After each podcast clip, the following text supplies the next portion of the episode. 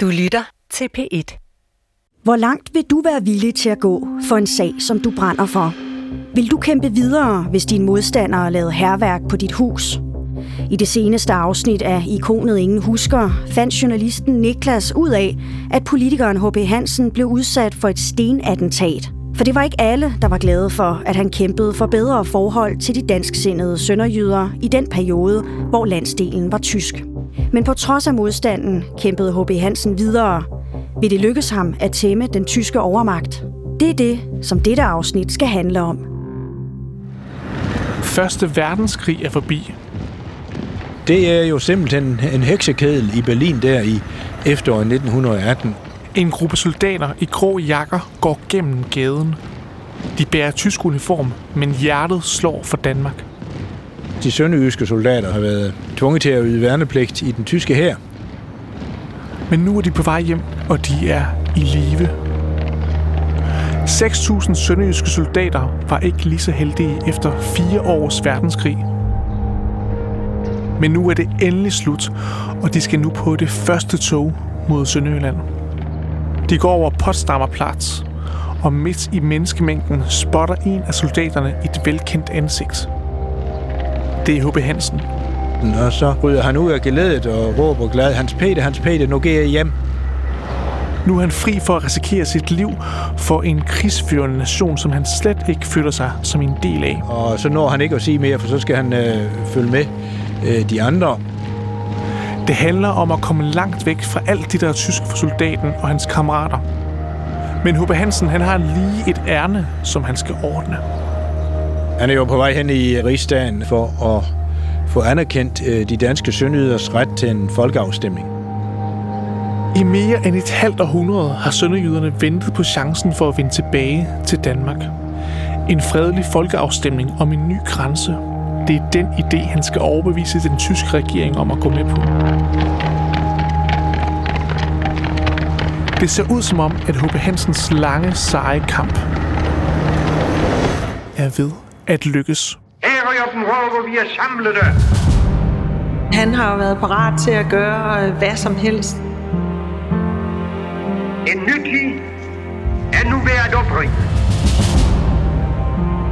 Den vil stille os over for store opgaver. Hvis de ikke havde bakket op, så var der jo ikke blevet nogen genforening. Han er, er gået i glemmebogen, men det er jo altså øh, dybt øh, ufortjent.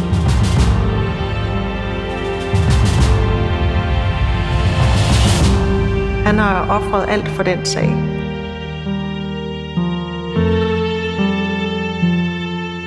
Ikonet Ingen Husker. Tredje afsnit. Den længe ventede genforening. Danmarks førende H.B. Hansen-forsker hedder Hans Schulz Hansen. Hansen, og vi kan lige prøve at åbne lidt, så vi kan få tingene lidt tættere på.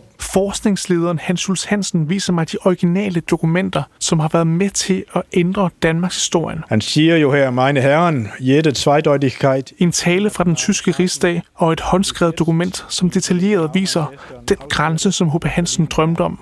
Og så op ad Krusådalen og til en bue til Padborg, som så skal blive grænsestation på jernbanen, og så videre vestud. Han er forskningsleder på Rigsarkivet i Åben Rå, og han kender detaljerne i H.P. Hansens liv, og han ved også, hvordan det lykkedes H.P. Hansen at overbevise den tyske regering om, at de danske sønderjyder skulle have muligheden for at stemme sig tilbage til Danmark. Det var jo sådan, at... Øh... Til min store overraskelse, så viser det sig, at en amerikansk præsident også har haft en finger med i spillet om grænsen.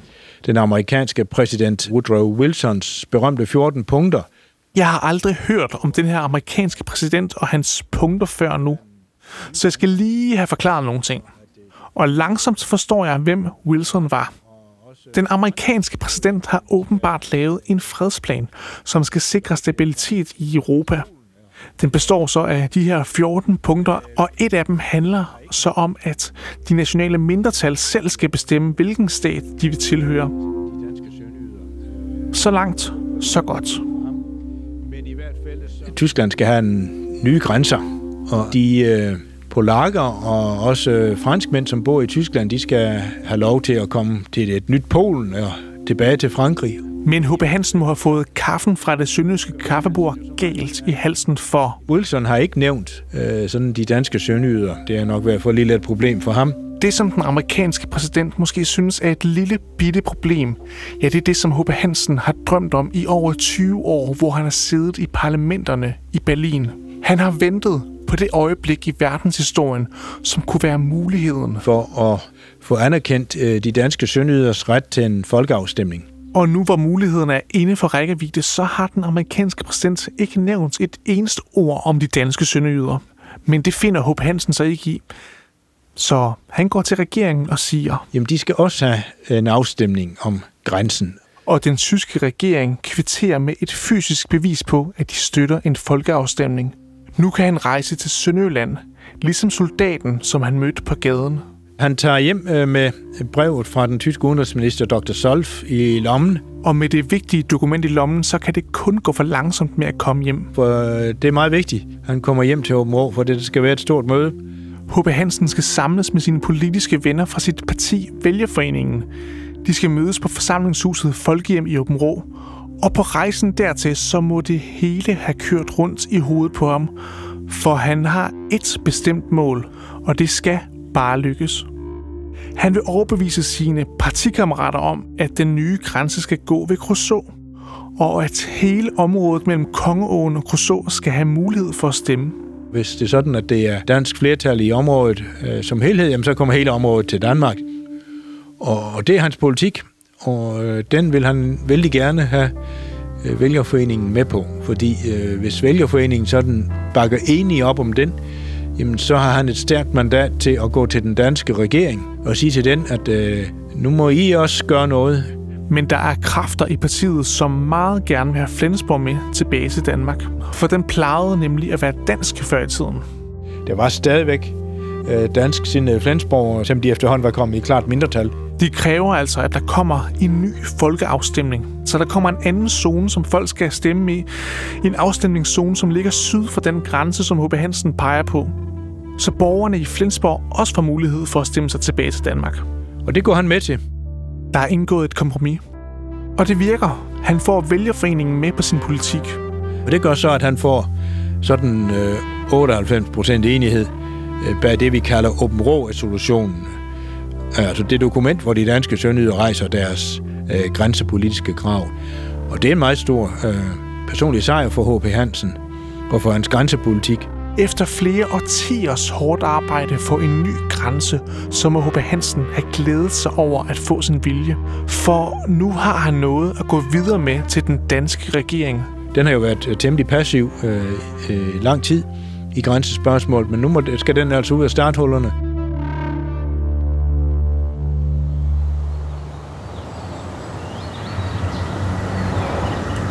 Imens valgfarter folk til Åben de skal høre H.P. Hansen holde tale, og rygterne går. De havde nu ganske bestemt hørt, at Hans Peter Hansen ville sige det lige ud. Nu kommer vi tilbage til Danmark. Stemmen her, den tilhører H.P. Hansens datter. Hun hed Ingeborg Refslund Thomsen, og jeg har fundet nogle gamle optagelser med hende i DR's arkiver. Hun var der den dag, at H.P. Hansen skrev Danmarks historie i november 1918. Vejret var klart og smukt og hun er langt fra den eneste. Snart stod vi en tusindtal i skare i haven foran folkehjem. Mødet skulle have været holdt indenfor på folkehjem, men der kommer så mange mennesker, at der slet ikke er plads til dem alle sammen. 3.000 mennesker stemte sammen i haven ude foran forsamlingshuset. På billedet fra dengang sidder min hat helt skævt. Jeg var klemt inde mellem store mænd og måtte række og strække mig for at se. Og så sker det, folk har ventet på. H.P. Hansen kom frem på balkongen. Tilskuerne holder vejret. Fast og stærk var hans røst. Hvor tanke skal i dag først væle ved dem, der måtte drage i felten. Han taler om den ulykkelige situation, som 30.000 sønderjyske mænd blev sat i, nemlig at kæmpe for Tyskland, selvom at de ikke følte sig tyske, men danske. Og han minder tilhørende om, at 6.000 sønderjyske soldater altså døde og aldrig kom hjem. Spredt ud over landene ligger nu vores faldende brødres grave. Vi siger, ære være deres minde. Og så sker der noget interessant i talen. Han veksler sorg til håb. Ud over landet sidder nu deres forældre, hustruer, børn og venner tilbage i sorg og savn. Men gudskelov, nu lysner det i øst. Og så kommer det, publikum har ventet på. Det, som kun har været rygter indtil nu, kommer ud af H.B. Hansens mund. En lykkeligere og lysere tid vil snart oprinde. Og der håber vi, at også de, der er ramt hårdest, vil kunne sige, Stort har jeg mistet, men stort skal fik. Det lyder jo poetisk, men også lidt uforståeligt. Så H.B. Hansen-eksperten får lov til at oversætte til moderne dansk. Øh, Nu er vejen banet for, at øh, øh, Sønderjylland kan komme tilbage til Danmark. Så det er jo hans største tale i kraft af den øh, historiske øh, betydning, den har. En ny tid er nu ved at opringe. Den vil stille os over for store opgaver.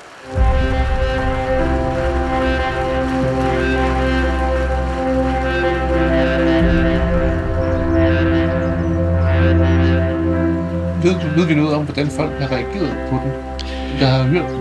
Ja, altså folk reagerer jo selvfølgelig med stor glæde, altså, øh, og, og vi ved jo, at øh, det var, folk var jo kommet til Åben Rå mange steder fra, øh, og øh, øh, når de så øh, tog hjem igen, enten de så sejlede med båden til Sønderborg, eller de øh, tog toget til Haderslev, eller kørte i hestevogn til Tønder, så øh, sang de jo danske sange på vejen hjem. De var jo mange, og de sang så pontonbroen skælvede om og om igen, og gamle Danmark skal bestå. De har hørt det, de gerne ville høre, og det er der overhovedet ingen tvivl om, og nu, øh, nu kom de virkelig til noget nyt, et nyt afsnit i deres liv. Og hvad var der ikke sket med os alle i de fire krigens år? Men nu, nu brast alle lænker.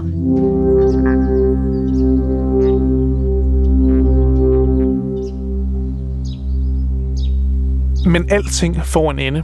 Også glæden.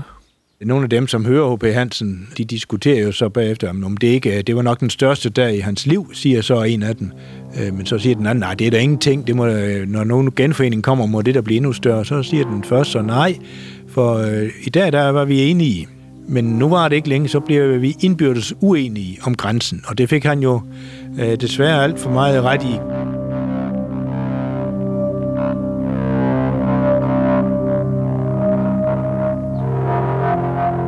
Skal ikke øh, mange måneder hen, før vi sådan ser to andre øh, positioner i grænsespørgsmålet, øh, som jo er afgjort imod H.P. Hansens moderate grænsepolitik. Den første fløj, som historiker Hans Jules Hansen fortæller om, er den mest radikale. Det er dem, som vil have, at grænsen skal gå helt ned ved Dannevirke. Ja, grænsen skal gå ved forsvarsværket Dannevirke, som dronning Tyre byggede ifølge savnet. Det er altså i rundetal 50 km længere nede, end det H.P. Hansen ønsker. Og Dannevirkemændene, de skal da også mange hundrede år tilbage for at finde det seneste eksempel på en dansk grænse så langt nede i Tyskland.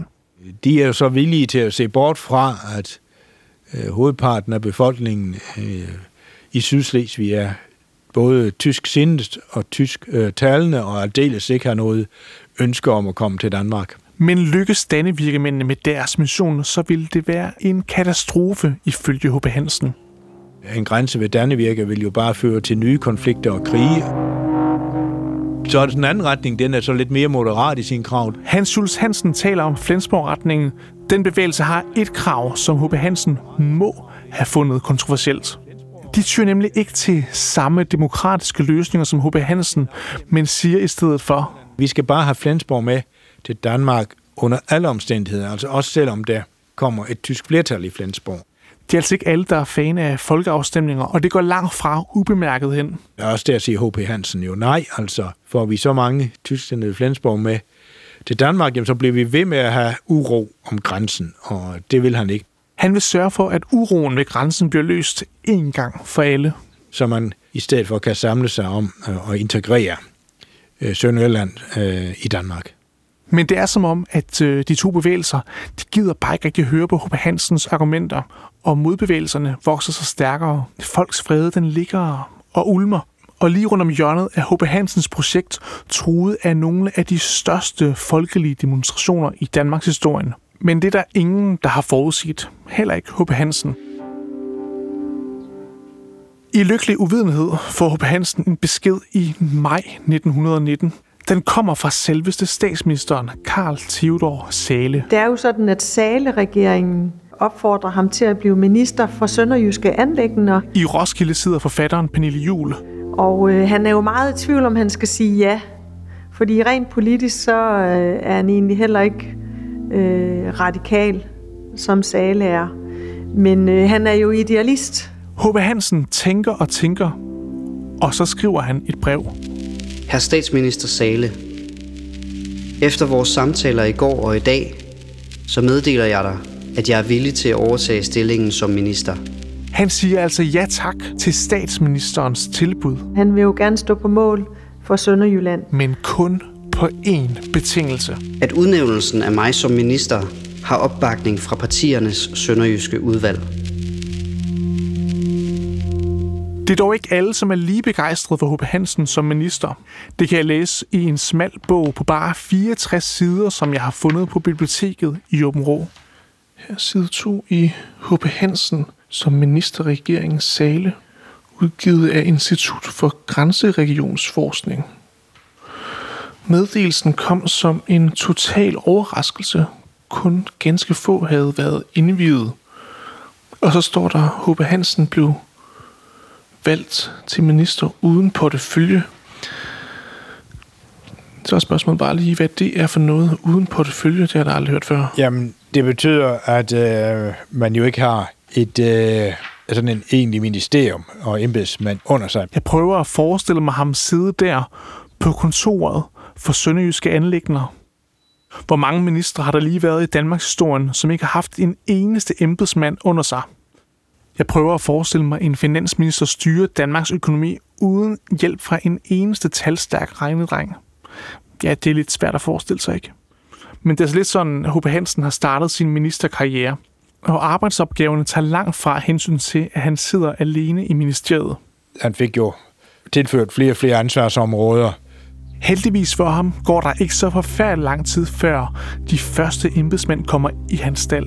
Og de kommer på et belejligt tidspunkt, for der sidder stadig sønderjyske krigsfanger rundt omkring i Europa.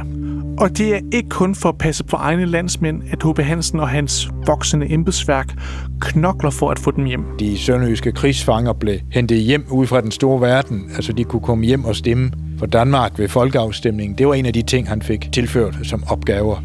Altså så opsporede det, der hed krigsfangekontoret under det midlertidige ministerium for Sønderjysk Anlæggende. Øh, de pågældende øh, fanger og førte kartotekskort over dem og pressede jo så på for at få arrangeret øh, en hjemtransport.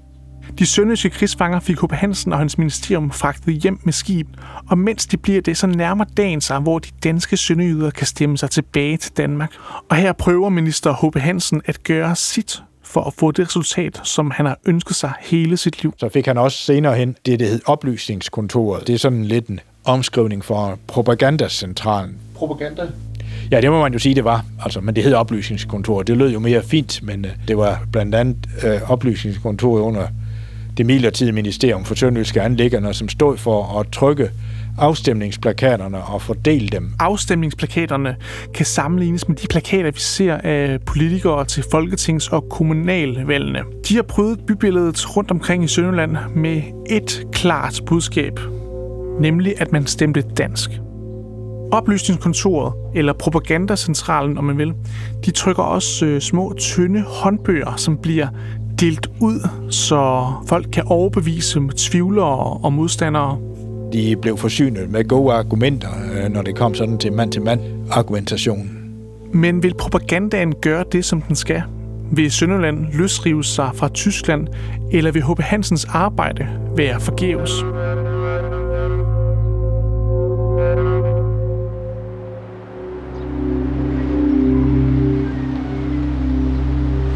H.P. Hansen vågner i sin seng hjemme i Åben I dag sker det. Den 10. februar 1920 skal han og tusindvis af sønderjyder stemme. I dag kan folket afgøre, om Sønderland skal høre til Danmark, eller om Danemark fortsat skal være nabolandet mod nord. Selvom vejret var elendigt med blæst og regn, øh, fuldstændig ligesom vi så det her 100 år senere, hvor vejret var lige så elendigt, jamen så øh, trak folk i deres stiveste pus og tog hinanden under armen og gik hen og stemte. Og Som en forfatter, der har skrevet om genforeningen, så har Pernille Juhl selvfølgelig også skrevet om den afstemning for 100 år siden. det var en fantastisk dag. Men jeg vil se, om jeg ikke kan finde en, som var der. En, som var til stede. En, som kan give mig en fornemmelse af, hvordan det hele gik til. Det er selvfølgelig lidt svært, når det er over 100 år siden, men det lykkedes faktisk. Men jeg var ikke så gammel, jeg kunne stemme. Jeg finder nemlig en kvinde uden navn eller titel i DR's arkiver, men hun siger på optagelsen, at hun var på avisen Heimdals redaktion den dag. Og det var jo den avis, hvor H.B. Hansen var redaktør. Men så øh, kom øh, de af på kontoret og sagde, at vi skulle komme af i forhus ved HP, for nu skulle han til at hejse Dannebro, og det skulle vi være med til, og det ville vi også gerne. Og der hejste han flagget, og der rendte tårerne ham ned af kinderne. Og det er det for eneste gang, jeg har set H.P. Hansen glæde. Og det var det, der gjorde så dybt indtryk på mig. Det er alligevel ret vildt at høre den her kvinde sætte ord på afstemningsdagen. Jeg kan virkelig mærke, hvordan historien kommer helt tæt på nu. Og H.P. Hansen kan græde flere glædestårer den dag. For tre ud af fire stemmer for, at Sønderland skal tilbage til Danmark. Alle de svære valg, som han har truffet de sidste fire årtier, har ikke været forgæves. Det var altså den rigtige beslutning ikke at flygte fra undertrykkelsen i teenageårene og blive på egnen. Og selv hans skeptiske far ville sikkert have tilgivet sin søn for at blive fuldtidspolitiker i stedet for landmand. For sønnen havde et politisk talent, som nu har ført til en genforening med Danmark. Han har været i arresten for sin kamp mod myndighederne, men nu er han ikke længere en del af et udsat mindretal. Nu er han en del af flertallet i det Danmark, som han altid har følt sig forbundet til. Og det var en stor og lykkelig dag for H.P. Hansen. Hele hans livsværk har endelig båret frugt. En måned senere, der øh, gik det jo ikke så godt. Det, som forfatteren Pernille Juhl refererer til, det er den afstemning, som finder sted syd for Kruså-linjen. Med andre ord, det er nu, at det skal vise sig, om Flensborg kommer hjem til Danmark. Og ja, du har måske allerede gættet resultatet. Og der var faktisk kun 20 procent, der ønskede at komme tilbage til Danmark. Resultatet falder langt fra i god jord hos Flensborg-bevægelsen. Øh, så der var rigtig meget ballade. Folk går på gaden for at protestere. Det hører jeg på Rigsarkivet i Åben Rå. Når man øh, samles på Amalienborg, er det jo øh, ikke tilfældigt, fordi man jo godt ved, at den danske konge Christian den 10. jo inderst inde er ja, Flensborgmand, hvis ikke han er Dannevirkemand, det er han vel. Forskningsleder Hans Hus Hansen fortæller om kongen, Hvis han kunne have fået hele hertugdømmet, det gamle hertugdømme Slesvig til Danmark, så var jo det, han ville. og han taler om kongens reaktion på, at der pludselig står demonstranter på Slotspladsen. Og de lægger pres på ham, for at få ham til at afskedige den øh, radikale regering, som jo stod last og præst med H.P. Hansen i grænsespørgsmål. Men den radikale statsminister Sale og hans regering, de rokker sig ikke en meter. De holder fast på Kruså-linjen. Og derfor ved Flensborg folk og Dannevirkemændene, at hvis man skal have en sydligere grænse, så skal man altså have den regering væk, og det kan kun gå for langsomt. Fordi den internationale kommission, som har overvåget afstemningen, og som jo skal sådan give en indstilling om, hvor grænsen skal gå hen til fredskonferencen i Paris, jamen, den er ved at færdiggøre sin indstilling. Og hvis man skal opnå noget, jamen, så skal man jo have den danske regering til at lægge pres på kommissionen for en sydligere grænse. Og det kræver altså, at man først får en ny regering. Og når vi siger altså demonstration, ikke, så øh, har det så bare været 100 mand på gaden med en Og band. det er øh, i 10.000 vis. Altså, det, er simpelthen, de er simpelthen fyldt... Øh, De er fyldt øh, slotspladsen, ja. Okay. Det er jo også svært at forestille sig, at, at så mange kan demonstrere på, på samme tid i, i dag. Altså, det, det, det, det er i hvert fald- ikke lige hver dag, det sker. Nej, men øh, altså, øh, grænsespørgsmålet og grænsestriden er jo et af de helt store øh, konfliktspørgsmål øh, i dansk politisk historie. Øh, og øh, det har vi bare glemt i dag, fordi vi har været så vant til alt, hvad øh, fred og fordragelighed omkring øh, grænsen, men, men sådan har det jo ikke været øh, historisk set. Demonstranternes strategi virker. Kong Christian den 10. gør det, som lyder fuldstændig vanvittigt med mine nutidige ører. Han fjerner regeringen fra magten. Og det er jo så nogen, ikke mindst jo øh, i Socialdemokratiet, som mener, at jamen, øh, kongen har begået statskup.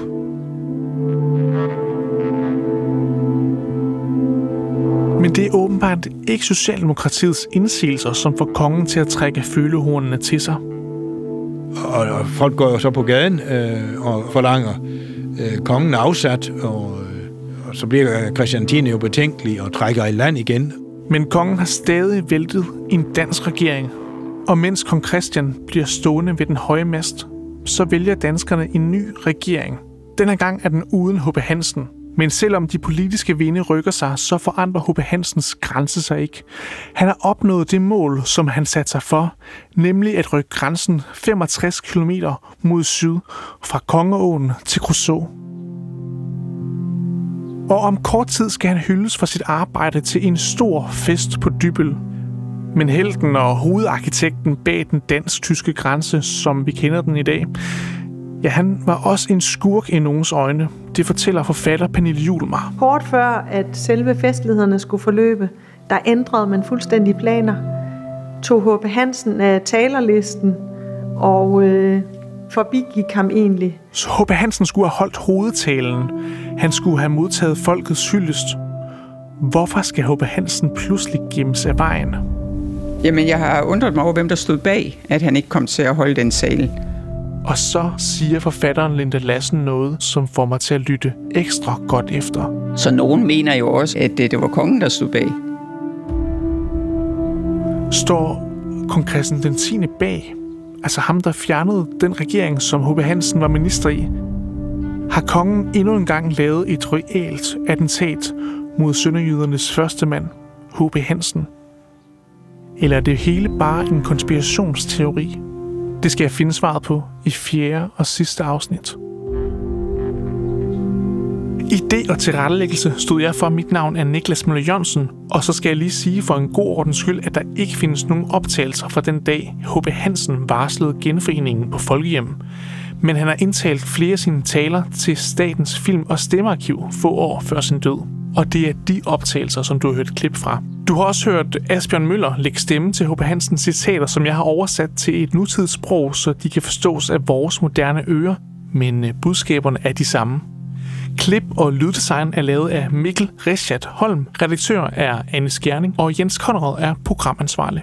Du kan høre flere P1-podcasts i DR's radio-app. Det giver mening.